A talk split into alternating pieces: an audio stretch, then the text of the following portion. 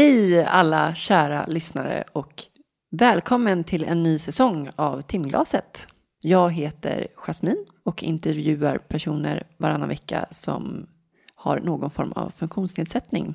Och med mig har jag också Max som är min sidekick och kompis. Hur är läget Max? Det är bra tack. Det är jag som klipper de här avsnitten. Visst är det kul att vara igång igen? Känns eh, ovant. Eller hur? Vi har haft uppehåll nu i tre månader. Fyra månader. Fyra till och med. Det var i alla fall väldigt många veckor sedan vi satt och pratade i mikrofonerna. Ja, man har saknat det lite på något sätt. Sett Ja. fram emot det. Ja, ibland. Så nu, Haft en bra sommar så långt. ja tack, jag har ju varit tre veckor i Spanien och eh, bara slappat. Var i Spanien. Torrevieja som ligger nedanför Alicante. Där min eh, mormor bodde i 25 år och eh, vars lägenhet jag, vi, familjen nu har tagit över. Och hon gick dessvärre bort den 13 juni medan jag var där nere. Väldigt tråkigt. Missar du begravningen och sånt då eller? Nej, det kommer vara nu om två veckor. Okej, Så att, eh, ja, men hon blev 94 år så att eh, det är bra jobbat. hon har hunnit leva länge. Själv då? Nej, jag har mest varit i Stockholm och varit ledig och åker till min semester börjar nästa vecka. Så åka till Island och Vad ska du göra där? titta på Island. Jag har aldrig varit där men jag har alltid velat åka dit. Ja, men det ska bli kul att se och så ska jag till Gotland sen en sväng. Hur länge ska du vara på Island? En vecka. Jaha, hur har din vår varit då? Sen sist? Det har ju varit vår också. Ja, vi har ju spelat in väldigt många intervjuer. Ja, det har vi gjort. Det har varit kul.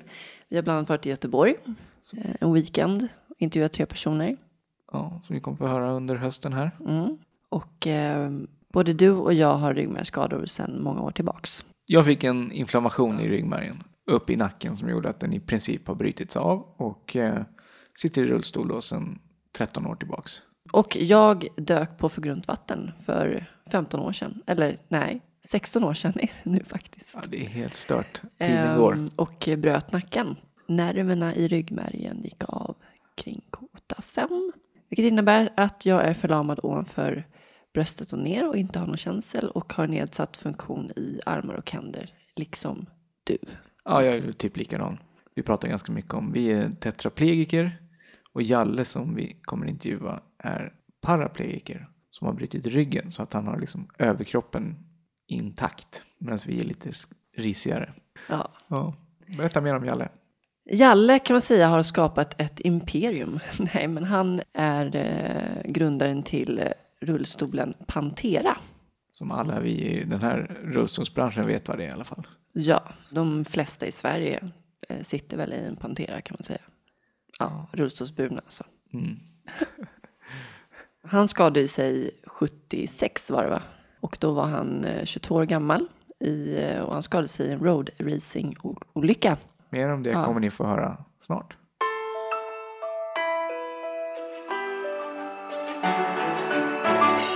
Det här avsnittet sponsras av Rehabstation Stockholm. Och vilka är det?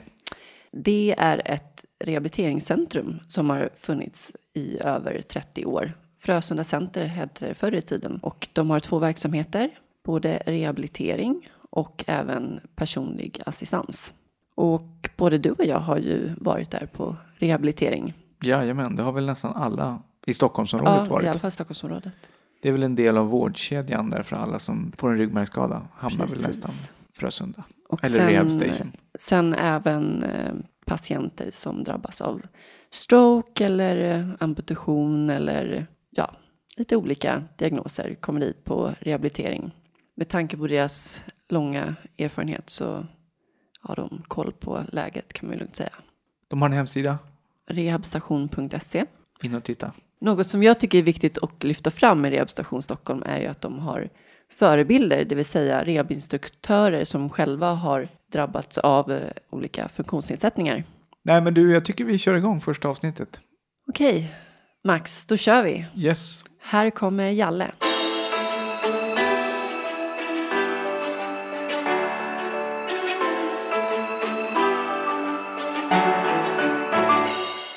Hur är läget? Vi pratade ju lite innan här med, om din axel också, som är lite keff. Nej men annars är det ju jättebra tycker jag med livet. Eh, jag mår bra och eh, har det kul och mår bra med- med allt tycker jag. Men axeln då, då, men det är sådana små eh, dilemman, det viftar man bara bort tycker jag nu för tiden. Det, det dyker alltid upp lite bump i kurvan på vägen. Så att, Men vad var det som hände med axeln? Nej, det var, jag ramlade ur stolen på isen när vi tränade eh, curling då, och då så skulle jag lyfta upp mig från isen då. Och då när jag lyfte upp mig då, tog tag i min stol och i Ronnys stol och så kände jag att ah, det där gör... Det var när jag liksom var halvvägs uppe, men då kunde jag inte släppa. Va? Så att, och då, jag, jag vet inte om jag sliter av några fiber eller sliter av en muskel eller liksom bara överbelastat och fått inflammation. Men någonting åt det hållet, vi får se. Efter 39 år i rulle så sliter du väl en del på axlarna? Ja det gör det och jag har den här högra axeln har jag opererat en gång tidigare. Så att, eh, nej men kroppen blir ju lite sliten och, och tyvärr är det ju så också att idrotten är ju fantastisk och det gör ju att man håller sig i form. Men idrotten sliter ju, eller framförallt elitidrotten sliter ju eh, mycket. Med all basket jag lirar är liksom 25 år. Va? Och du är väl typ den första generationen som kommer åldras med ryggmärgsskada? Ja, jag tillhör ju första gänget. Det fanns mm. nästan inga eh, förebilder för mig. Det fanns några stycken då. Det fanns nästan inga parrer och, och tätter ute på stan. Var, var, varför, varför är du första generationen? De överlevde inte. För att? Ofta på sjukan redan akuta stadiet, eh, olika infektioner och annat. Trycksår, eh, sen, liggsår. Ja, sen har det, det njurar, kisseriet och eh, sår. Hjärtat då som inte orkar med. Ja, Ja, det var inte så många som överlevde. Och de som överlevde liksom akuta, de eh, klarade sig inte hemma så mycket. Folk var ju väldigt immobila. Det fanns ju väldigt dåliga grejer också. Mm. Liksom. Eh. Men, men jag fick en 25 kilo stol när jag började eh, som i början då. Och det var inte så lätt att ta sig runt. Och ska man vara aktiv då eller liksom. Det tur att man var i rätt ålder och var ung så man orkade liksom försöka. Jag måste berätta, jag kollade på Vingar av stål. Aha. Igår kväll Nej, faktiskt. Ja, som är en eh, dokumentär från 1980 eh, som handlar om dig som är på en halvtimme. Och den måste jag verkligen rekommendera alla att se. Den ligger på YouTube som man söker på Jalle Ljungnell så kommer den upp där. För det är intressant, det är ju verkligen historia alltså. Och man får verkligen perspektiv. Jag kände ju så här när jag såg den att gud vad bortskämd man är. Man har tagit alla hjälpmedel och allting tar man för givet. Man tar för givet att man ska få en rullstol som är individuellt anpassad efter mina behov. Och även alla andra hjälpmedel som man får liksom utan problem. Och så ser man då den här dokumentären. Och då var det bland annat, eh, då skrattade jag till det första mötet med Anneli. Ja, just det. Anneli Lausson är ju avsnitt två i timglaset. När hon är nyskadad och mm. du träffade henne. Och vi pratade om också hur viktigt det är med förebilder. Men det var ju bara fyra år efter att du hade skadat dig. Du mm. skadade dig 76. 76. Och den här var från 80. Och då hade du redan pluggat till socionom. Ja, jag höll på. Jag gjorde praktiken på SÖS då, på eh, neurorehab där. De hade en liten neurorehab på SÖS då. Så jag gjorde min praktik där ett halvår då. Och då träffade jag bland annat, hon var där som dagpatient. Då. Och jag hade ju en, en, bild av varför jag gjorde hela den här socionomresan, jag som egentligen är maskiningenjör. Eller liksom, men jag hoppade av, eller jag gick färdigt eh, maskintekniskt gymnasium då. Men så tänkte jag, nej jag vill liksom jag tyckte alla var så fantastiska mot mig på sjukan. Så jag tänkte, nej men jag vill ge tillbaks till andra människor som hamnar i stol sådär. Och, eh, Eh, och då hamnade jag precis på neurorehab som jag ville jobba då. då. Men eh, sen visade det sig med, med tiden där att det var inte så bara massa ryggmärgsskadade som jag fick jobba med utan det var lite alkoholister som hade somnat på Parkinson syndrom fanns det något som hette. De somnade med, med huvudet på armen och så dödade man en nerv där och det var en massa sådana, alltså det var mycket eh, mycket, men det var en del missbruksproblem och annat. Som, en hel del elände. Ja, och lite annat än det jag hade tänkt sådär. Så att jag, jag kände att ja, det kanske ändå inte är mm. det rätta för mig det här. Alltså. Och sen hade jag, började jag med rekryteringsgruppen och då fick jag göra det som jag egentligen hade tänkt. Då, så, att, så jag gick faktiskt aldrig färdigt. Jag gick 110 av 130 okay. poäng. Då. Ja, ja. Ska du inte gå klart, sa folk. Då är det bara 20 poäng kvar. Nja, Ja. Men så hamnade jag i rullstolstillverkarträsket som jag brukar säga. Och allt det ska kört. vi ta senare. Det finns ganska mycket där att prata om. Men um, jag tänkte på det, Annelis rullstol, det var ju ett riktigt schabrak. Jag kommer ihåg till och med du reagerade, fast du satt också i ett schabrak med fotplattor och grejer. Men mm. hennes rullstol, det var ju liksom Ja, sån hade jag först också. Och den stolen, ja det är ganska kul tycker jag när man tittar på filmen. För jag har en Stainless som den hette. Det var ju första revolutionen då när de här, det var Karsten som tog hem de här från USA då, 79. Eh, och det var ju, såg ju ut som en gammal vanlig kryssramstol. Men den var ju eh, rostfritt stål och lite lättare. Den vägde bara 16 kilo. Och vi tyckte det var en fruktansvärd revolution. Alltså, wow, det bara rullar ju som attan och sådär. Och så ser man den här filmen, om man ser den nu, så, där, så ser man, då säger jag till Anneli, ja men varför skaffar du inte sån här lätt stol som jag har? och så ser jag ingen skillnad nu när jag tittar, Nej. så tänker jag, vad fan, ser ju likadant ja. ut. Vem är Karsten? Karsten Inde är en person som startade eh, Frösunda Center en gång i tiden som nu har blivit RSS då och eh, Alter. Rehabilitation Stockholm. Rehabilitation Stockholm. Frösunda Assistans. Han startar, nu för tiden äger han ju ett företag som han startade Olivia eh, Assistans och annat. Men innan han gjorde allt det här så startade, började han importera, han var ju gympalärare liksom. Som fick en, hans tvillingbror fick en synskada. Och då gick han och läste på universitetet och läste för sin brorsa. Och så kom han in på handikappidrotten för brorsan eh, simma, så via Tomteboda simning. Och då såg han alla ryggmärgsskadade.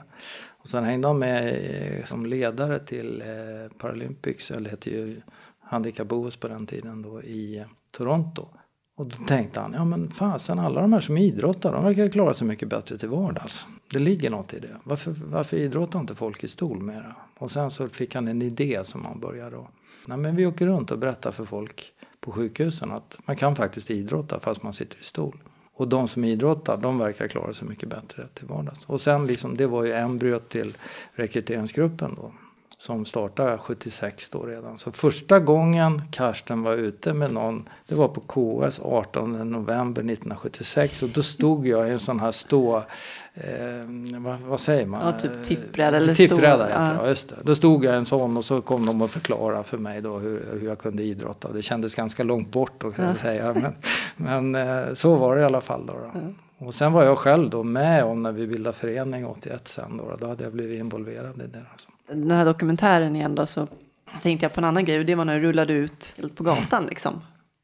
Folk stirrade. Ja men så var det för att det fanns inga och, och jag, när jag skadade mig, jag hade ju aldrig sett en, en, en eh, yngre, man har sett någon äldre bli puttad i stol men man såg inga rullstolar ute på stan. Så att, eh, man var ju som ett ufo liksom och folk tittade ju liksom. Vad är det, sitter han i stol eller liksom går det ens att leva liksom? Och, det var så okänt fenomen. Ja, och man blev behandlad som i tredje person hela tiden. Mm. Jag kommer ihåg Max, en kompis, han var och hämtade mig när jag var på, fortfarande låg på sjukan. Så åkte vi till Sumpan och skulle handla brallor. Och det var det klassiska. Då tittade hon på Maxa, tittade hon på mig så tittade hon på Maxa. Vad ska han ha för storlek? Ja, han kan prata själv, sa Maxa, fråga. Alltså det var ju så här typiskt klassiska. Och man var ju bara som ett ut. De trodde, folk verkar inte tro att man eh, kunde prata eller tänka eller liksom sådär. Så det blev ju ett race i sig. Eh, alltså jag har ju fått vara med om en underbar revolution tycker jag då. Alltså att från, från att vi inte fanns i samhället till att vi eh, i början på 80-talet började, nu jävlar ska vi synas. Va? Och, vi, och Karsten han eh, Eh, ringde ju till Aftonbladet och Expressen stup i kvarten och ville vara med och ibland så eh, fick inte Åke Nordström vara med i Stockholm Marathon. Då hotade, de, han, då hotade han dem lite och sådär och sen fick han vara med. Och, och liksom, han, han gjorde ju liksom att vi började ses ute i, i media överhuvudtaget. Eh, sådär. Så att, och den revolutionen med attityder har ju varit fantastiskt. Och bland annat med idrottens hjälp då, att vi börjar liksom vara med då i, i på maraton till exempel. Mm. Med, med, den här Friskis och svettisvågen som började då i början på 80-talet. Du sitter och tar på axeln hela tiden, har du ont? Ja, det är lite med armen där. Ja. Mm. Mm. Jalle, jag måste ta hand om dig. Ja, jag försöker. Men eh, vi tar det från början, tycker jag. Ja. Från första början. Vart kommer du ifrån och vart är du uppvuxen? Nej, vi har en Stockholmskille som är uppvuxen i, i Spånga. Eh, Bällsta, Vällingby, där i det området. Då. Ja, en vanlig kille som gillar teknik och moppar och sådär var det mycket. Och älskar motorcyklar tidigt, tidigare än eh, det var tillåtet kanske. Sen så eh, i och med hojåkningen då så, så slank jag in med att träffa folk som eh, höll på med racing då. Och så, så liksom gick mitt liv vidare egentligen kan man säga då från, från när man växte upp tonåringen och, och, och alla åkte hoj på gatan och sen så började vi köra race några stycken då. Och jag, började, jag jobbade på Yamaha som meck också och fick jobb där eh, i jag var och köpte en hoj när jag gjorde lumpen och så hade jag två veckors ledigt. Och kan du inte jobba i två veckor? Ja okej då, så gjorde jag det. Och så ja men om du vill får du jobb när du är färdig. Och sen, jag älskar ju att mecka med hojar så då gjorde jag det helt enkelt. Då. Så att jag jobbade där som meck då. och eh, körde för dem då. De sponsrade mig med en av mina två hojar sen också då. Sådär. Så race när jag var 20 till 22. Jag skadade mig när jag var 22. Då, så att, jag säger att det var två saker som hände när jag, när jag, jag bröt ju ryggen då, eller jag vurpade ju under en tävling då i Falkenberg då. Att det ena var ju att jag hamnade i stol, men det var nästan lika stort trauma. Den här passionen jag hade för eh, racingen, det var ju liksom mitt liv. Och då kunde jag helt plötsligt inte göra det som liksom allt mitt intresse och fokus och passion liksom kretsar kring. Så det var det kändes som, ett, om inte riktigt lika stort men ett väldigt stort eh, andra trauma. Så, Jaha, vad ska jag göra nu då? Liksom, och allt det som jag tycker är kul och allt annat är ju meningslöst. Hela din identitet? Ja, faktiskt. Det är bra uttryckt. Alltså. Så att, eh, jag visste inte vad jag skulle göra först. Så, jaha, då hängde jag med mina kompisar och, på racen och liksom mecka lite och sådär. Men det var ju kul, lite halvkul bara liksom. Den tog det ett par år innan jag nej men jag kan inte åka omkring och titta på andra människor. Jag måste göra någonting själv liksom. Vad ska jag göra då? Ja, men då kom ju basketen in i, i det här. Så, att, så var det. Om vi backar bak igen. Mm. Om din eh, barndom och sådär. Hur ser din familj ut? Mamma, pappa, har du syskon? Ja, jag har en bror och sen har jag en eh, mor i livet. Då, då. Eh, pappa han dog eh, året innan jag skadade mig. Just det.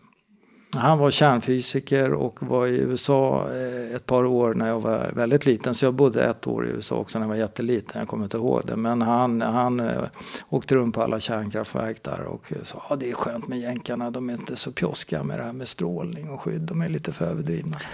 Och sen 18 eh, år senare fick han leukemi. Då, så att, och, och först... Det måste varit riktigt tufft om det bara var ett år innan.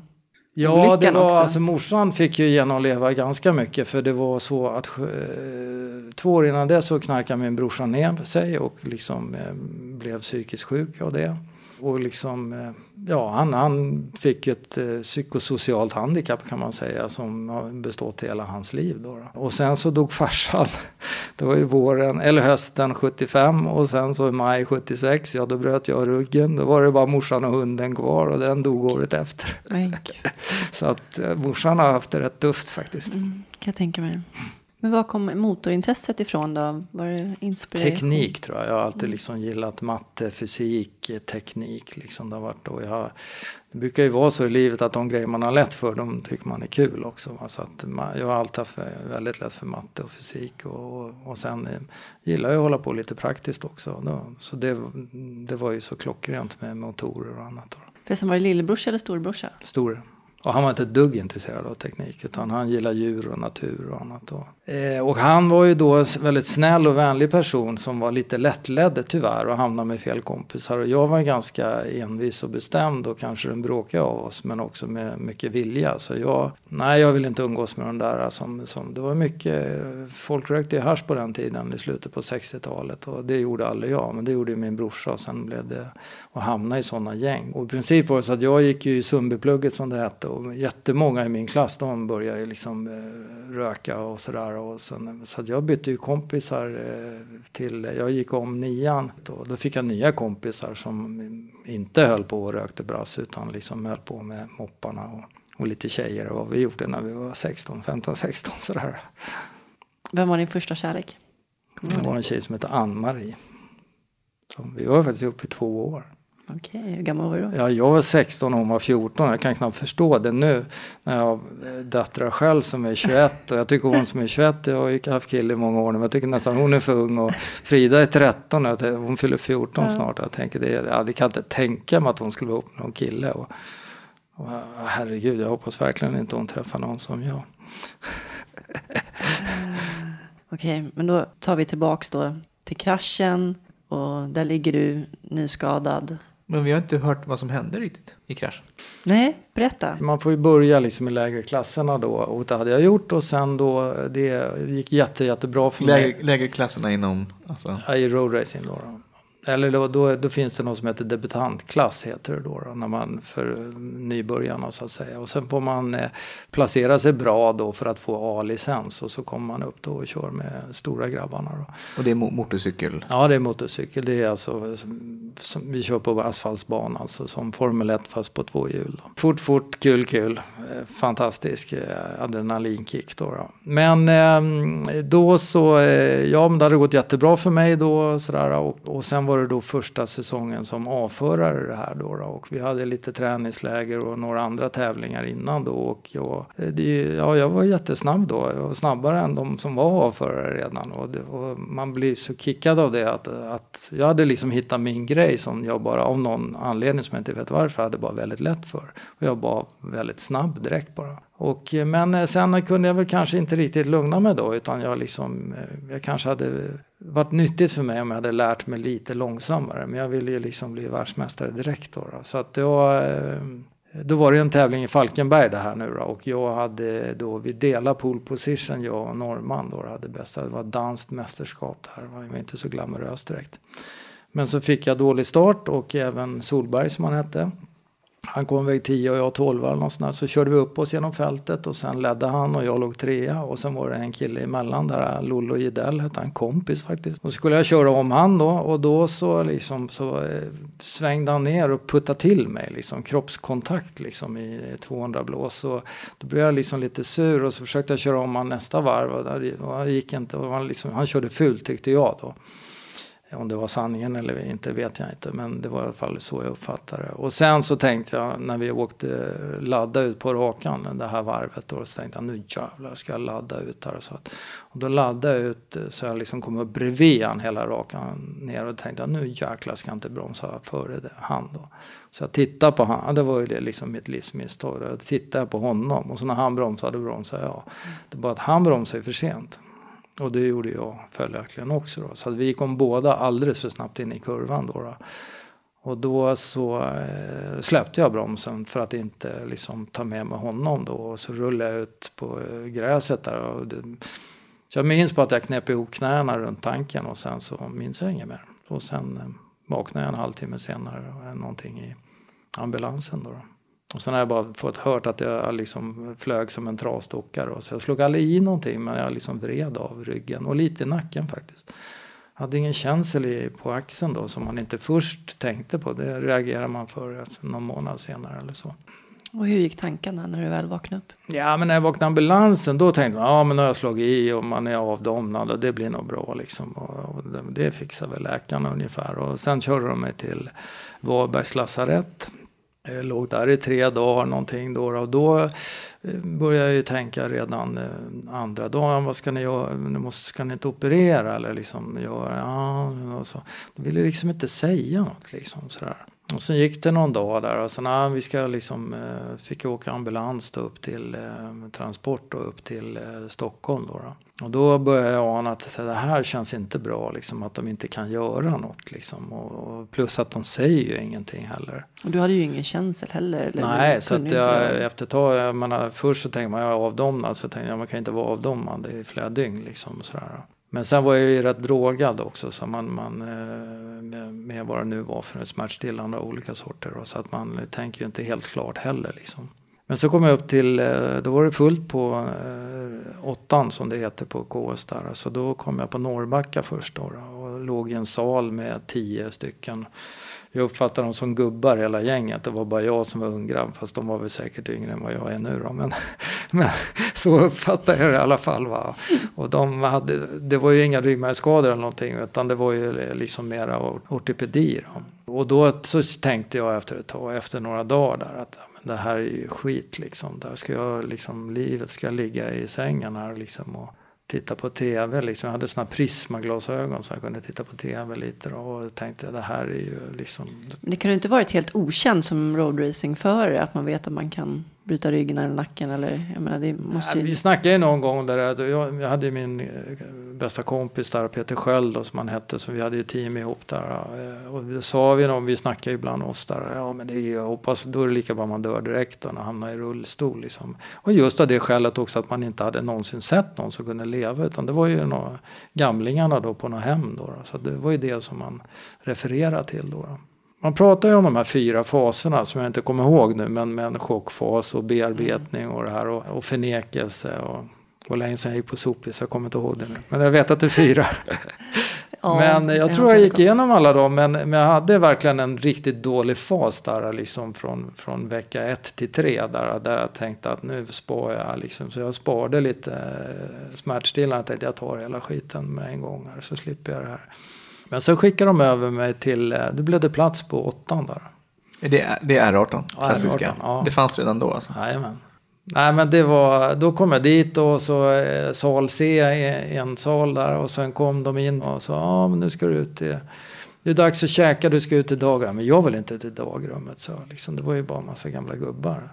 Jo men eh, du, ska du behöver träffa de andra, men jag vill inte träffa de andra. Jo sa de och sen sparkade de bara upp sängen på hjulen och rullade ut. Men där låg jag och protesterade liksom, men det hjälpte ju inte. Men eh, så kom jag ut dit och sa, jaha, oj då. Då liksom låg det um, unga grabbar och tjejer i, liksom i min ålder. Med, med, några var liksom parrer som jag, och någon var någon tetra och någon hade någon annan. Liksom. Och, och, och de var ju glada och tjena, hur läget? Och, ja, så här, så då tänkte jag, kunde inte jag ligga där och vara sur när de, och några hade ju värre skador och, och såg ju riktigt glada ut. Så där. ja, men det var en vändpunkt verkligen liksom. Och, och, fantastiska liksom de som jobbade där och den eh, känslan de skapade på avdelningen liksom att eh, på något sätt efter det så, jag låg sju månader på sjukan. Mm, det, är det var en ganska tid. positiv upplevelse för mig. Åh herregud. Ja men för att liksom det blev så att man ändå ja. utvecklas från att vara nere liksom i skiten och tänka att livet är kört. Sen blev det ändå så nej det finns nog ett liv där. Och, och, och och sen kom det ju då upp en, en kille, Gunnar Årlind där, som hade legat där några år innan då. Och eh, exakt samma skada som med TH5 då. Han var uppe och hämtade sin tjej då, de var ju solbränd och stark som en buffel. Och, och, och såg liksom allmänt bara ut att må bra liksom. Och sen så så morsan på mig då, ja du vet, så sa han, jag kommer ihåg han berättade, ja du vet i lördags när jag skulle åka på fest vet du, så fick jag punka på bilen. Vet du. Jag fick rulla en kilometer för att låna domkraft. Så tänkte jag, helsike, vad fan, igen, köra en bil liksom, kan man göra det? Mm. Och kan man rulla flera kilometer? Va? Går de på fest de rackarna också? Har de kul också? Och är han ihop med tjejer? Alltså då, då liksom alla bara... Öppnade sig en ny värld. Ja, och så sa han när han liksom gick därifrån. Ja, Jalle, tänk på det nu. Du måste, du måste köra på sjukgymnastiken nu. Se till att bli stark nu. Ja, så. Och jag som inte ville gå på sjukgymnastiken. Men eh, sen efter det där, då var jag nere och bankade på dörren. Släpp in mig, släpp in mig. Jag måste träna. Det ser man hur livsviktigt det är att få träffa andra förebilder.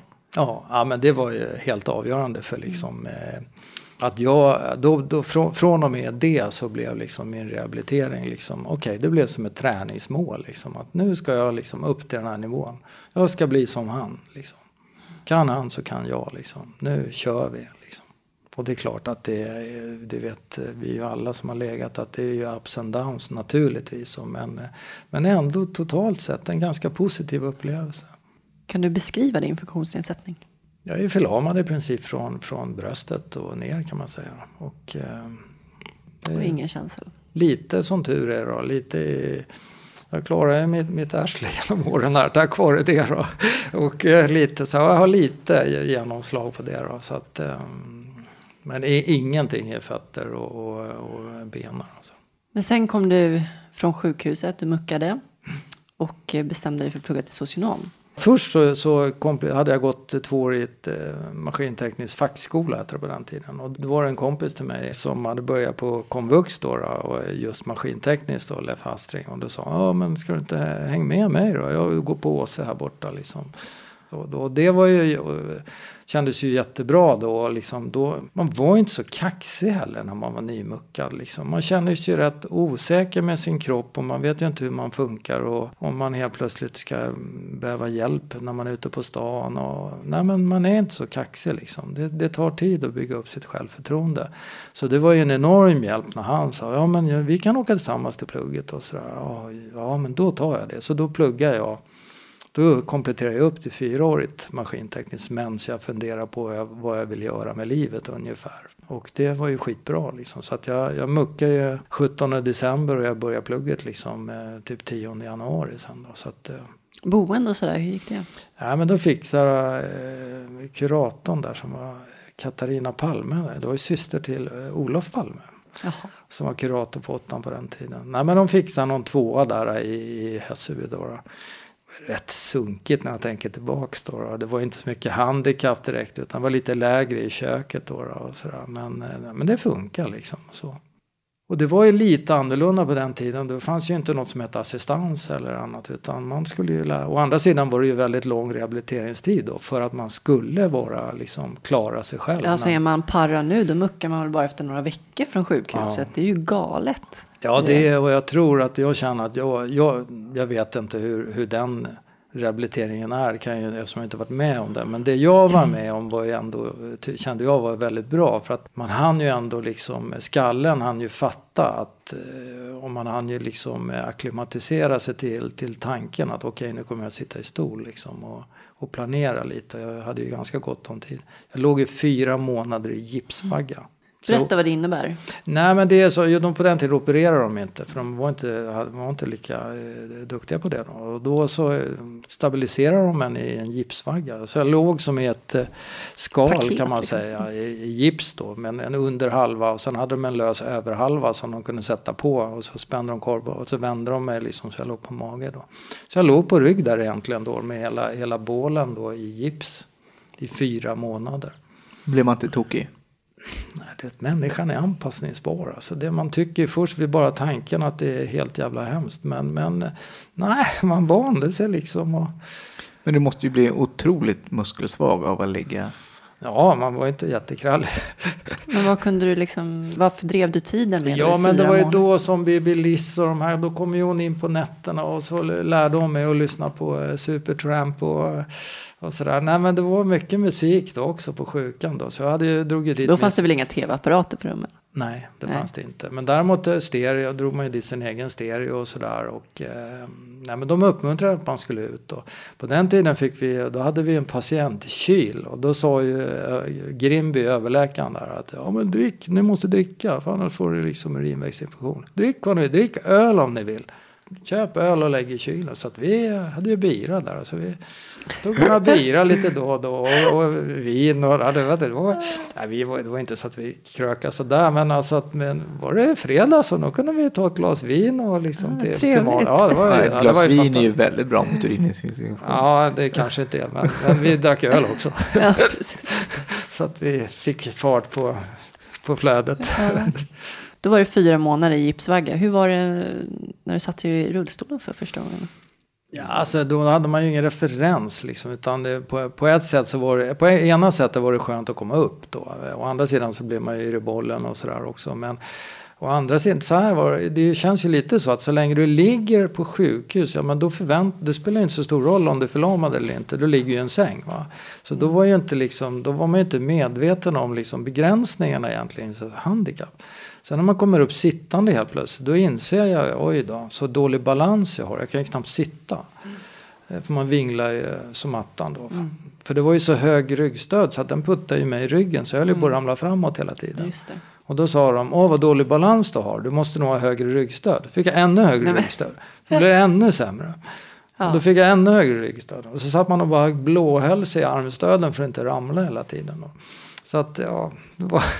kunskapsnivån var inte den bästa. Nej, det var ju inte det. Och sen, det, det ska man ju säga verkligen till deras försvar också, att det fanns ju inte grejer heller och material liksom. Så att det var inte så lätt att, att göra någonting.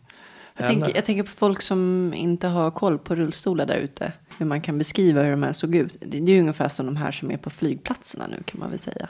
Ja, Typ. fast de är ju ändå bättre till och med på flygplatserna nu än det vi hade. Alltså. Det, det, ja, det går inte att- ja, det, var, de, var- det var riktiga Mm. stridsvagnar faktiskt. Född den 4 juli den filmen. Där kör ju Tom Cruise runt i någon riktig. Ja, Det är väl typ sådana. ja som, fast han hade ju lättats in lite då. Som, man pimpar dem ju liksom. Då sågar man ju av körhandtaget och, och sen så sydde ju morsan man, eh, klädsel i manchester, blå manchestertyg. Då. De var ju rätt jättehot. Men då, och så då blev den ju liksom, vägde den bara 24 istället för 25 då. Vad väger en stol idag bara för att kul? Ja, den här sitter i nu fyra och ett halvt. Ja, det är lite skillnad.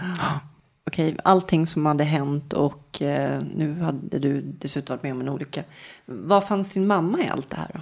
Nej, men hon var ju och, och, och kom ju och besökte mig hela tiden på sjukan och så. då, Och, eh, så hon var ju där och stötte, absolut. Va? Så att, eh, men jag hade ju fantastiska kompisar också ska jag säga. Jag låg i sju månader. Jag hade besök varje dag utom en. Och det var midsommarafton kommer jag ihåg. För då var liksom folk ute och festade. Så här. Men det, jag hade grymma kompisar. Alltså. Samma här. Varenda dag hade jag besök. Samma här. Ja. Vi, vi var tvungna att ha besöksschema. Men sen när man lämnade, då försvann folk. Jävlar vad tomt det blev. Ja, jo, men det vart så. Vart det så för dig att sen Nej, utan jag, det var ju, nej, utan jag. de höll sig kvar? Ja, och så bodde vi ju flera kompisar där också i Vällingby, Hässelby. Och, och sen det beror ju också på vilken ålder. Men jag var ju den åldern. Vi hade ju flyttat hemifrån de flesta liksom ett par år innan och sådär. Så det var ju mycket liksom att man umgicks och var hemma hos varandra på lördag, fester här och där och sådär. Så att jag hängde ju med på det där. Och, och nej, men det var, jag hade jättebra kompisar som kom hem till mig. Eller, eller att jag hängde ju med liksom varenda helg eller sådär med dem. Så att nej, det var kanon. Du eh, hade en egen lägenhet, du pluggade och så var det rullstolsbasketen som Ja, kom in i bilden. Ja, det var ju mer egentligen att jag då, då hade jag redan eh, det året börjat jobba så mycket med rekryteringsgruppen. Och rekryteringsgruppen hade ju inget kansli, ingenting. Utan då ett tag då, Karsten drev ju det där hemma hos sig. Och sen blev ju jag som Karstens lärjunge kan man säga. Så att eh, han tog ju med mig på alla möjliga grejer. Jag lärde mig otroligt mycket. Och, Jalle, Jalle, häng med nu. Imorgon ska vi träffa, vi, vi ska snacka med, det är några personer vi ska snacka med imorgon. Jaha, ja, visst, visst. Så åkte vi iväg med bilen. Vilka är det? Ja, det är socialministern, så här. Jaha. Ska, vi, se- vad, vad ska vi säga? Du får sköta. Nej, nej, jag ska inte prata. Det är du som sitter i stol. Du får prata. Jaha. Men liksom bara putta in mig där. Och, eller så, och det var ju så hela tiden med Karsten. Va? Och han, han, han är fantastisk på att lita på att folk klarar. Liksom, att, att människor har mycket mer kapacitet inneboende än, än vad man tror. Va? Och, eh, så jag lärde mig otroligt mycket med att umgås med honom. Då. Så att, ja, det var ju bara att ta grejen och köra liksom. Men det som hände med rekryteringsgruppen var att han, han började importera rullstolar och annat från USA. Då, så han hade inte riktigt tid med rekryteringsgruppen. Och då, då var ju kansliet ett tag, då var ju hemma i mitt vardagsrum i Hässelby där. Då. Åren då 80-81 sådär. Innan vi till slut då fixade en, en liten industrilokal. Vi var i Solna där Peter Andersson, Pope som han heter nu för tiden och jag var, som började jobba där. Då. Och sen bildade vi föreningen då 81 och då, jag blev första ordförande där var där i tre år. Då. Berätta vad rekryteringsgruppen går ut på. Eh, Rekryteringsgruppen går ut på att egentligen då man använder idrotten som ett medel att rehabilitera folk eller idrott och träning då. då. Och eh, det man också gör är att man åker runt och besöker folk som är nyskadade på sjukhus Som talar om att, att det finns idrott och det funkar idrott. Men det räcker inte bara med att säga det utan då måste man ju också erbjuda någonting och då rekryteringsgruppen erbjuder då läger för nyskadade där man får komma och prova olika idrotter. Ja, och det, och det är ju inte bara det att man åker dit och tränar idrott. Man träffar ju andra i liknande situation. Då. Dels de som är deltagare som är, är lite mer nyskadade och liksom snacka erfarenheter med dem. Men också ledarna, kanske hälften av ledarna sitter ju själva i stol då, och är ju förebilder och blir ju förebilder. Jag ska vara ledare om två veckor. Jaha, vad kul. Mm. Det är kul. Alltså jag har varit på 13 Boxholmsläger. Det är två Ja, veckor. jag har varit på två. Det är två veckor. Sen har jag varit på 32 Hasseluddenläger. eh, läger. Det är en vecka. Så Det är 26 plus 32. Alltså. Det är alltså 58 veckor. Det är mer än ett år Åh, som jag har varit på läger. Det är helt otroligt. Ja, det är galet om man tänker så. Men vi tänkte någon gång här, några stycken. Undrar hur mycket tid? Ja, det är rätt mycket när man börjar Ja. tänka efter. Men fantastiskt kul Ja. alltså. Fantastisk period i mitt liv. Liksom. Och otroligt när man eh, stöter på RG igen. Att, att den, det är märkligt hur en sån här RG-känsla, RG-stämning som vi hade i början på 80-talet. Jag var ju med ända fram till mitten på 90-talet. Och, men den känslan, fast det var nya människor, så känslan var detsamma på något sätt. Så den har liksom gått i arv från generation till generation. Och det, vad jag förstår, är det samma nu också. Vad är det Och för känslor? Nej men det är någon slags samhörighetskänsla och att, att som ledare att det är fantastiskt kul att jobba med något som gör, eh, gör skillnad. Det är meningsfullt och man liksom en vecka på läger man, man blir ju kär i alla liksom. Eh, sådär bara för att det är så jäkla bra människor och det man gör, man märker att man, man eh, förändrar situationen för de som är där också. Så att, det, det är verkligen en sån här boost för, för bekräftelse. Sådär. Att man känner, ja, jag hjälper till i, i samma, jag hjälper andra. Ja, Jag, jag fick ju en smärre chock när jag var ledare förra året första gången. okej. För jag har ju glömt bort hur risig man är i början. Man liksom, jag liksom var så jäklar, man kan inte göra någonting i princip. Nej, men så Det är det. var ju. liksom så här, wow, jag fick, man fick lite självförtroende-boost. Och, ja, det är det. Och, och förstår vilken, vilken, att då träffa dig och se liksom, oj, kan han göra så? Max kan göra det där, han kan göra det. Ja, det kanske jag också kan det. Det är fantastiskt kul och det är nästan så att det känns som att det är, jag ska inte säga att det är ett ansvar för oss som har fått mycket hjälp att ge tillbaks hjälp. Men, men det är bra om vi gör det tycker jag. Jag ska säga att det heter RG Aktiv Rehabilitering idag. Har de en hemsida? Rekryteringsgruppen.se. Och jag tror att den är omdirigerad därifrån. Men annars så tror jag att det är rgaktivrehabilitering.se. Vad tycker du om det namnet då? Ja, men alltså jag tycker så här, jag är så gammal och luttrad så det, det är som man pratar om namn vad man ska kalla folk i stol.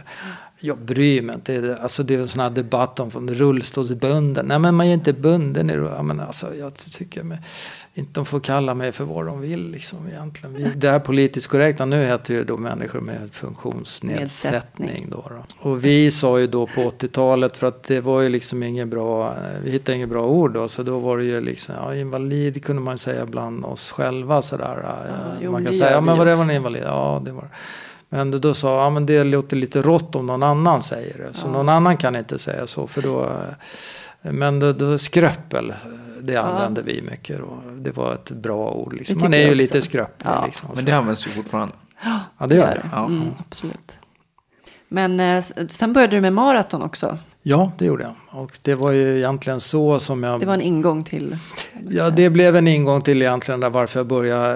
Det var så jag träffade Karsten. Jag skulle köpa, eh, han hade ju sådana här 26 tums hjul och mindre drivringar och det han hade tagit hem från USA då. Så jag åkte ut till han då. då då sa han, det var ju eh, faktiskt en ganska rolig eh, del i min historia då. Då sa Karsten så här, ja men visst jag har hjul och sådär. Så här, du förresten, kan inte du hjälpa till att träna några ungar i eh, Jakobsbergs gymnasium? Jaha, i vad då? Ja men rullstolskörning liksom sådär. Ja, ja, men jag vet inte om jag kan det. Så här. Ja men det, det är lugnt sa han. Det är en annan kille där som, som äh, äh, så du är inte själv, det är ni är två liksom. Så, så, så han kan det där. Den här andra killen då, det här var 1980, det var Nicke Sallnäs som numera är, är, jobbar på Pantera då, som, som vd heter det, men daglig ledare som norrmännen säger. Och han var 16 år och gick på gymnasiet. Och Karsten hade frågat honom, kan inte du ta hand om eh, träningen? Ja men jag kan inget sa Nicke. Nej nej men det är lugnt, det är en annan kille Jalle. Så vi träffas där, ja, Nicke och jag. Jaha, hur gör vi nu då? Så här, ja, så här. Men han tränar ju basket och jag var ju vän att trä- där och jag var ju van att träna. Så vi liksom råddade ihop det där. Så, och, och de där några stycken, det var ju 30 pers liksom. Så det var ett himla gäng där i korridorerna. Vi tränade två gånger i veckan. Och sen startade vi Jakobsbergs handikappidrottsförening, Nick och jag då, ihop med Karsten då. då. Och, eh, så vi var ju ett, ett gäng som åkte runt och, och var med med de här ungarna på alla möjliga tävlingar i Halmstad och hit och dit. Och, ja, men det var, blev, vi var med liksom och, och skapa möjlighet för många att träna. Då. Berätta vad det var början på. Ja, men då var det bland annat början på det här med eh, rullstolstillverkningen eh, blev ju lite så, dels byggde jag min maratonstol.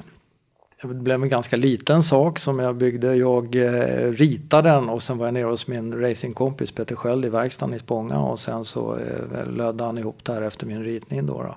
Och sen hade jag den när jag tränade på Boxholmslägret 80 då. Eh, där, och då den var ju så liten så alla ungarna tyckte att den var jätte... För det fanns ju inga stolar. Det fanns ju bara de här stora tunga.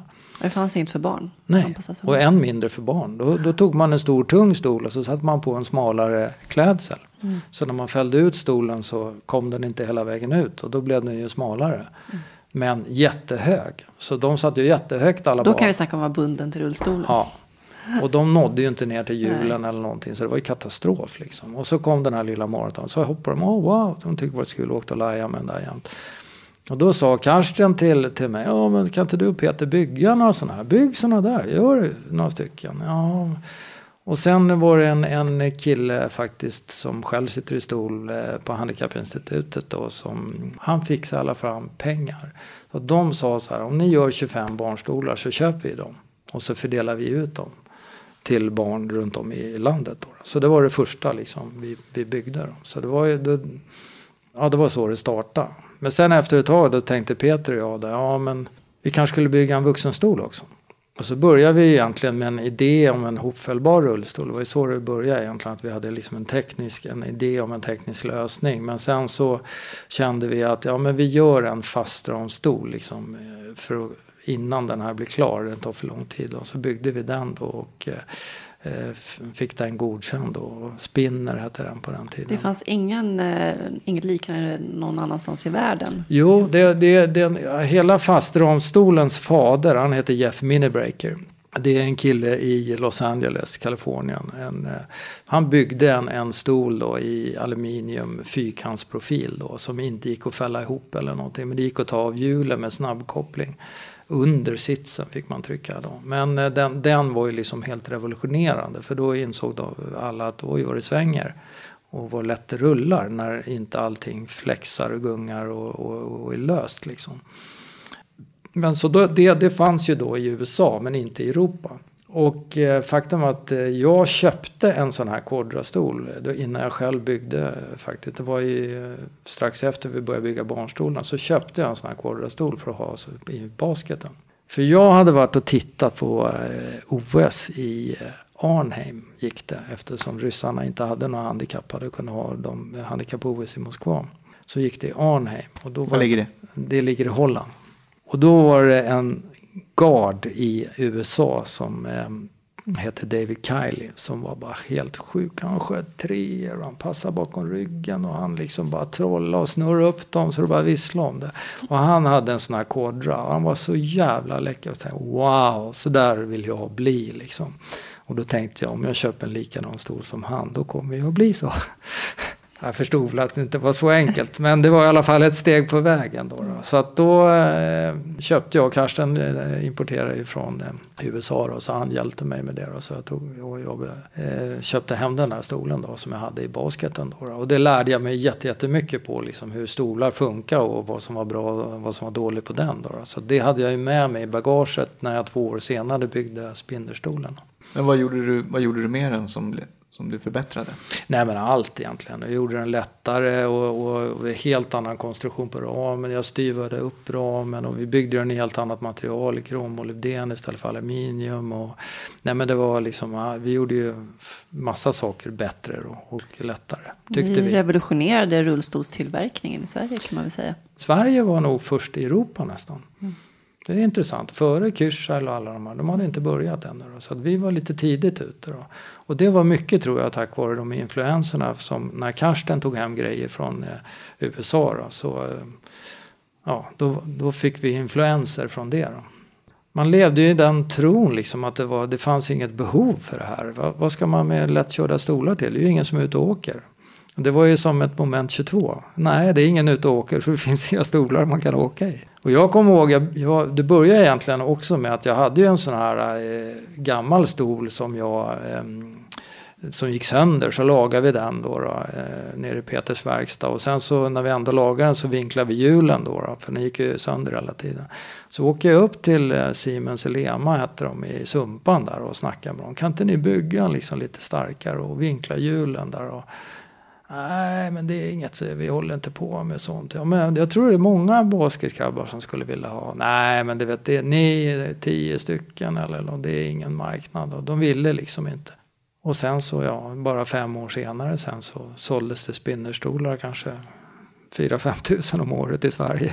Mm. Så att det, det, ja, de kanske skulle ha gjort något. Jag vet inte om de ångrar sig men det, det var det som hände i alla fall. Vad hade du för vision? Först ville jag göra bättre stolar till mig själv och till mina kompisar. Och sen så tänkte jag, ja men det här är nog, vill nog flera ha. Då vill jag göra det bara för att det går liksom.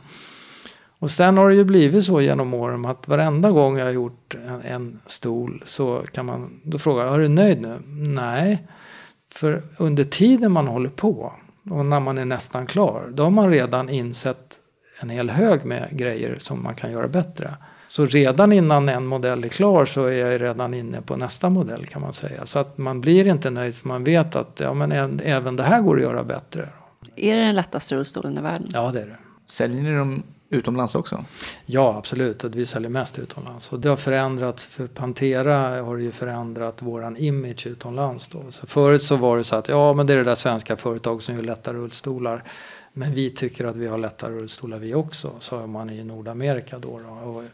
Men när Xen kom då, då blev det sån, det var, den var så påtagligt förbluffande lätt. Vem som helst som tar den känner bara, vad fan det är inte sant. Kan det hålla verkligen det här? Det, är liksom, det väger ju ingenting liksom. Och det har liksom gjort att eh, folk har fått upp ögonen. Nu har vi ju sagt Pantera väldigt många gånger här. Mm. Hur kom namnet till? Eh, Tornado skulle stolen heta. Så vi startade Tornado Production och sen så eh, var det mässa, jultorget, eh, oktober 89 och vi har eh, sex veckor kvar eller någonting. Då ringer Karsten från Holland och säger Öh, du måste byta namn på den här nya stolen. Vadå? Ja, de har kommit med en ny stol här som heter Tornado. Ah, shit, jaha. Vad gör vi då? Då, då var det ju, då var det ju Joa, Joa och Peter och jag som jobbade då. Och då sa vad gör vi? Ja men vi måste ha något. Jaha, eh, vi tar något enkelt. Det måste vara liksom Katana eller Pantera eller någonting. Fast inte det utan något annat. Och så satt vi där i två, tre dagar med grekiska lexikon och, och gudasagor och italienska lexikon och höll på där. Men vi liksom hittade inget tyckte vi. Ja, men vi måste bestämma oss, liksom, vi har ingen tid. Okej, okay, Katana som är en motorcykel eller Pantera som är en bil. Vad tar vi? Ah, det tar Pantera Och så lägger vi till ett H, för den heter Pantera utan H. Då. Hur tror du att Pantera påverkat människors liv? Nej, men vi dyker ju på sådana solskenshistorier vi har ju det här med de här mikrostolarna till exempel. Vi säger, de, det, det är ju bara gråt när det är utprovning med det. För mm. Då kommer de med något barn som är bara 18 månader eller två år. Och så barnet eh, har ju blivit bara puttat runt i någon sulk. Och sen så ska de sätta barnet i mikron då, och då gråter barnet för att de vill inte sitta i mikron. Och sen mm. tvingar de ner barnet. Och sen dröjer det tio minuter så dansar barnet omkring där på golvet och tycker det är jättekul. Och då gråter mamman.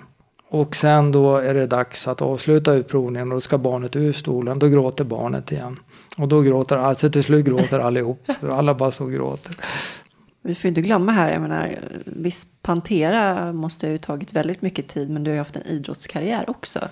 Ja, men det är ju så att jag har ju då fått familj ganska sent i livet. För att under många år, liksom, jag startade Pantera då 89 och eh, då var jag som mest inne i min basket. Och jag, alltså vi tränar ju eh, mer än sju gånger i veckan, alltså det var mer än en gång om dagen.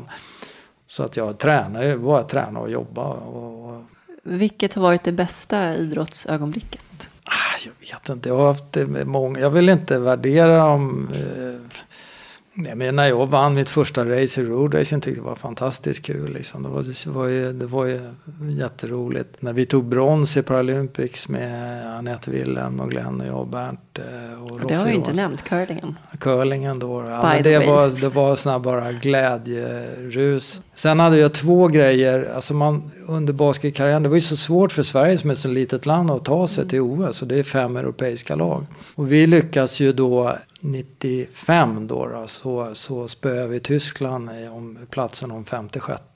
och tog oss. Och då var det sån här eufori eh, i omklädningsrummet och vi bara skrek. Och, eh, alltså, ja, jag, jag kan inte förstå hur glada vi var, men vi var riktigt glada. Och de ögonblicken minns man ju allra mest. Då. vi vann OS-kvalet 92 eh, till exempel också. Så.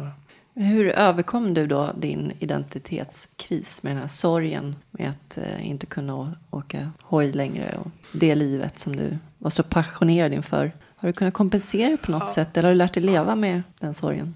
Nej men det var ju en sorg i början men sen, nej men jag hade inte tid att vara sorgsen sen utan sen uh, ramlade ju livet på där så att nej men jag har nog varit en ganska glad skit hela tiden och liksom det dyker ju upp små problem då och då men då får man ju Du hade inga större bakslag? Nej, jag har faktiskt inte haft några bakslag av någon anledning. Utan, nej, men sen kom jag, jag menar, Leffe tog med mig till vuxengymnasiet och det var kul där och fick massa kompisar där. Det var roligt att plugga igen insåg jag, tyckte jag. Ja, men och sen blev jag ihop med någon tjej där ett tag. Som, och, ja, så liksom det kändes som att det fattas mig ingenting i livet så där heller. Liksom. Och, eh, och basketen blev ju en jättegrej sen. Maraton blev ju några år där. Men Eh, framförallt basketen har ju blivit en fantastisk eh, resa som jag har varit med om tillsammans med Anneli bland annat och som har varit som solstråle genom åren. Eh, och det har ju liksom gett mig så otroligt mycket. Måste prata lite om kärleken också. Du är gift med Madde. Ja, vi är inte gifta, vi lever i synd. Ja, okay. Hon jobbar också på Rehab Station Stockholm.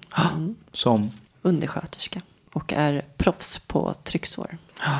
Vi vet hemma att vi kan inte gå förbi hennes laptop när hon sitter och jobbar för då är det några sådana äckelbilder. Ja. Som, har... som man inte kan få bort från näthinnan. Liksom. Hur träffades ni? Vi träffades 1981 eh, på ett rekryteringsgruppsläger. Ja men då, då, då träffas vi bara, men utan att det var någonting sådär. Utan, för hon hade någon annan kille och sådär. Men vi träffas och, och jag, hon var ju snygg. Eh, och trevlig. Men det, det, var ingenting då så då, utan, men eh, jag tror att vi hade ganska, att det var någon, fanns någon liten glimt där. Kände du den snubben då som hon hade då? Nej, inte Nej. gjorde jag inte då, men jag lärde känna sen då. Och nu, han då eh, är ju nu far till eh, mitt extra barn då, då också. Då. Så att de gifte sig ju sen och fick eh, Peggy då. Och sen så skilde de sig. Och jag träffade Madde igen då, hon var jag besökte på jobbet 97. Då. Och då sa hon, nej men jag vill inte gå in och störa. Så hon träffade Glenn där och sa, här är gården då. Du måste träffa morsa på Gälle. Så. Och så gjorde hon det och sen, the rest is history. Och så fick ni barn? Mm, det fick vi. Lilla Frida.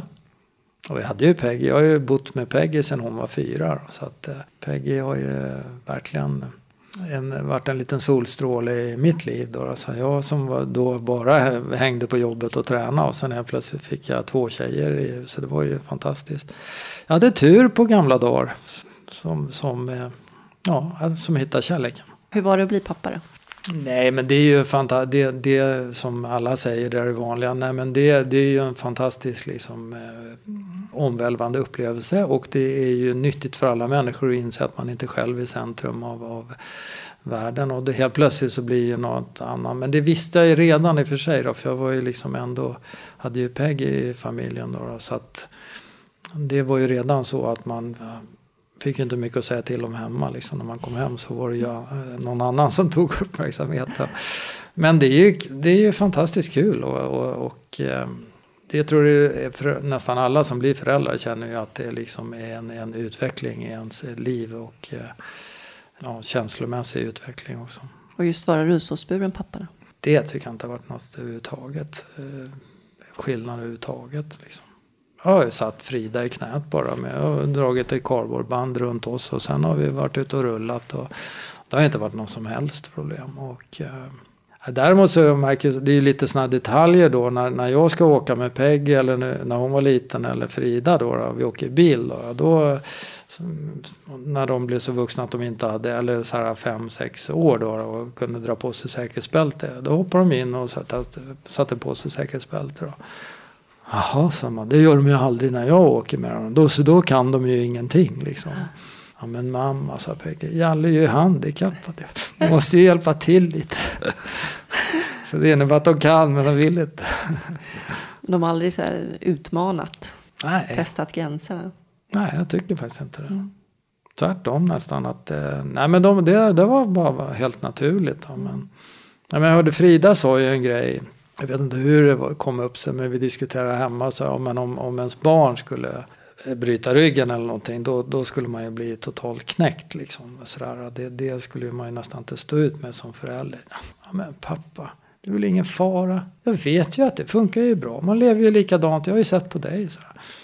Tänkte jag, ja, vad kul tänkte jag först. Men så tänkte jag lite efteråt. Men vad skönt att hon har en sån bild av mig. Att, eh, att mitt liv är ganska enkelt och jag är som en vanlig. Ja. Så att hon själv säger att ja, det skulle väl inte vara någon big deal liksom. Vilket det naturligtvis skulle vara om man skulle bli helt knäckt. Men i alla fall. Ja, det är inte så himla lätt alltid. Nej, det är ju inte det. Och sen, eh, men, men eh, jag har ju en jättestor fördel eh, gentemot båda er då att jag har friska armar. Och det är ju en jätteskillnad liksom att man, man klarar alla de här lyften och det. Och då som parra är man ju lite halvlyxinvalid om man säger. Att man, man kan ju ändå liksom lyfta sig själv på stolen och hit och dit. Och så att, eh, det blir man medveten om när man känner många människor i stol. Alltså att, att eh, det är olika grader av handikapp naturligtvis. Så jag är lyckligt lottad så tillvida. När fick du beröm senast? Jag tycker jag får beröm både stup, eller rätt ofta tycker jag. Så att, nej men jag tycker folk på jobbet sådär. Jag tycker det är jättebra stämning och bra och, och, och hemma också faktiskt då. Inte av Frida just nu för hon är tonåring men, men Madde berömmer mig lite då och då. Så att, eh, nej men det var nog häromdagen säkert. Ni är bra på att berömma varandra kanske? Ja, jag hoppas det i alla fall. Då, så att, för att hon gör mycket bra och jag, jag vet att hon vet att jag tycker det. Men Vad är lycka och vad betyder lycka för dig?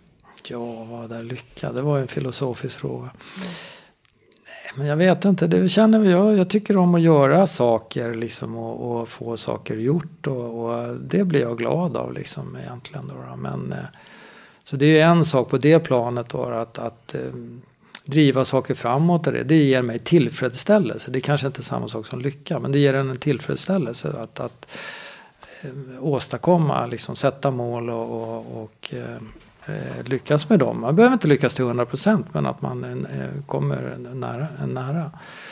Men lycka i sig det kan ju vara liksom att eh, Ja men det är kväll, är det lycka liksom. Så här, jag ska bara åka hem och sen har jag två underbara tjejer som väntar på mig. Det är lycka tycker jag. Vad eh, betyder frihet för dig? Det känner jag, alltså frihet är mycket så här mobilitet känner jag för mig. Att kunna ta bilen och åka vart jag vill och liksom att röra mig fritt. Va? Det, det känner jag nu att det är lite inskränkt frihet nu när, när ena axeln är paj här. Och liksom det vet man ju om man har, inte har bilen av någon anledning ett tag. Då känner man sig liksom hämmad. Liksom. Så att, eh, ja, frihet är mycket mobility tycker jag för mig. Så länge man är, snö, det är snöfritt och man är smärtfri. Då. Ja, just det. Då är ju snön där som är...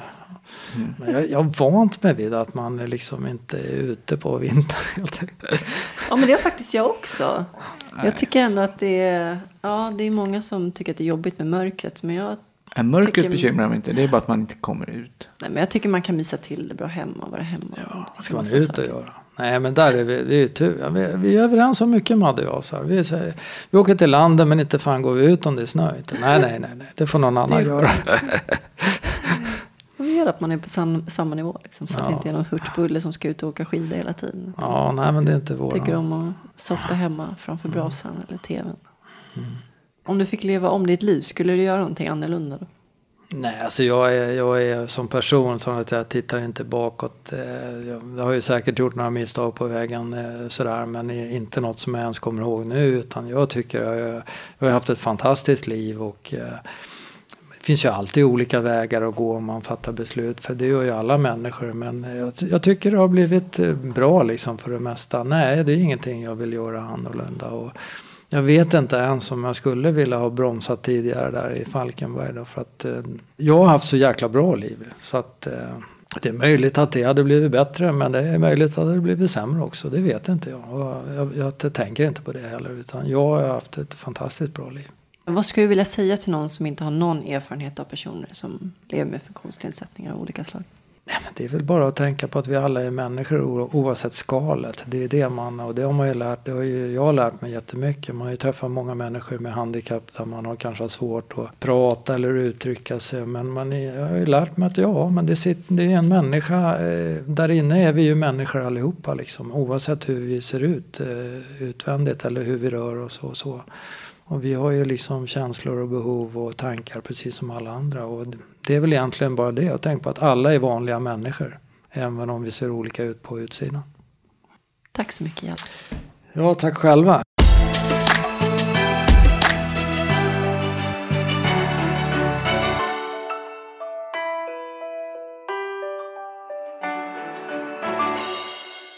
Ja, det är ju verkligen en otrolig historia som Jalle bär på kan man säga. Han har varit med ett tag. Mm, kan man ju lugnt säga. Någon som nämns mycket i eh, intervjun är ju Karsten Inde. Jag vet knappt vem det är. Nej. Du verkar ha koll. Ja, Jalle berättade lite om vem Karsten var. Eh, han var ju med och startade rekryteringsgruppen och Frösunda Center och har ju bidragit väldigt mycket till förbättring av rehabilitering av personer med olika funktionsnedsättningar. Jobbar han fortfarande med detta eller? Karsten Inde är numera en entreprenör och håller på med en massa olika projekt med styrelser och grejer. Han är ju numera pensionär. Okej. Men det var ju Karsten som faktiskt gjorde så att jag fick komma hem med ambulansflyg från Spanien. När du skadade när i jag skadade mig. Så att jag så fort som möjligt kunde få bra rehabilitering i Sverige istället för att vara kvar där. Så jag blev bara kvar där i tio dagar. Så det var skönt. Ja. Mm, ja, vad Tack så schysst. mycket Karsten. Berätta vem som kommer i nästa intervju. Då ska vi träffa Lena Maria. K- Kändis? Ja, Big in Japan. faktiskt. Väldigt stor i Ja- Japan. Men hon är framförallt eh, sångerska och eh, konstnär. Målar mycket. Fotmålare. Yes. Hon Och- föddes eh, utan armar. Och- Det har ju gått bra ändå tydligen. Ja, väldigt framgångsrik kvinna med många järn i elden kan man väl säga. Har en liten eh, butik och turnerar överallt. Och, och för detta simmerska också, tävling. Ja, just det. Tävlingssimmerska ska vi säga. Slagit rekord och grejer.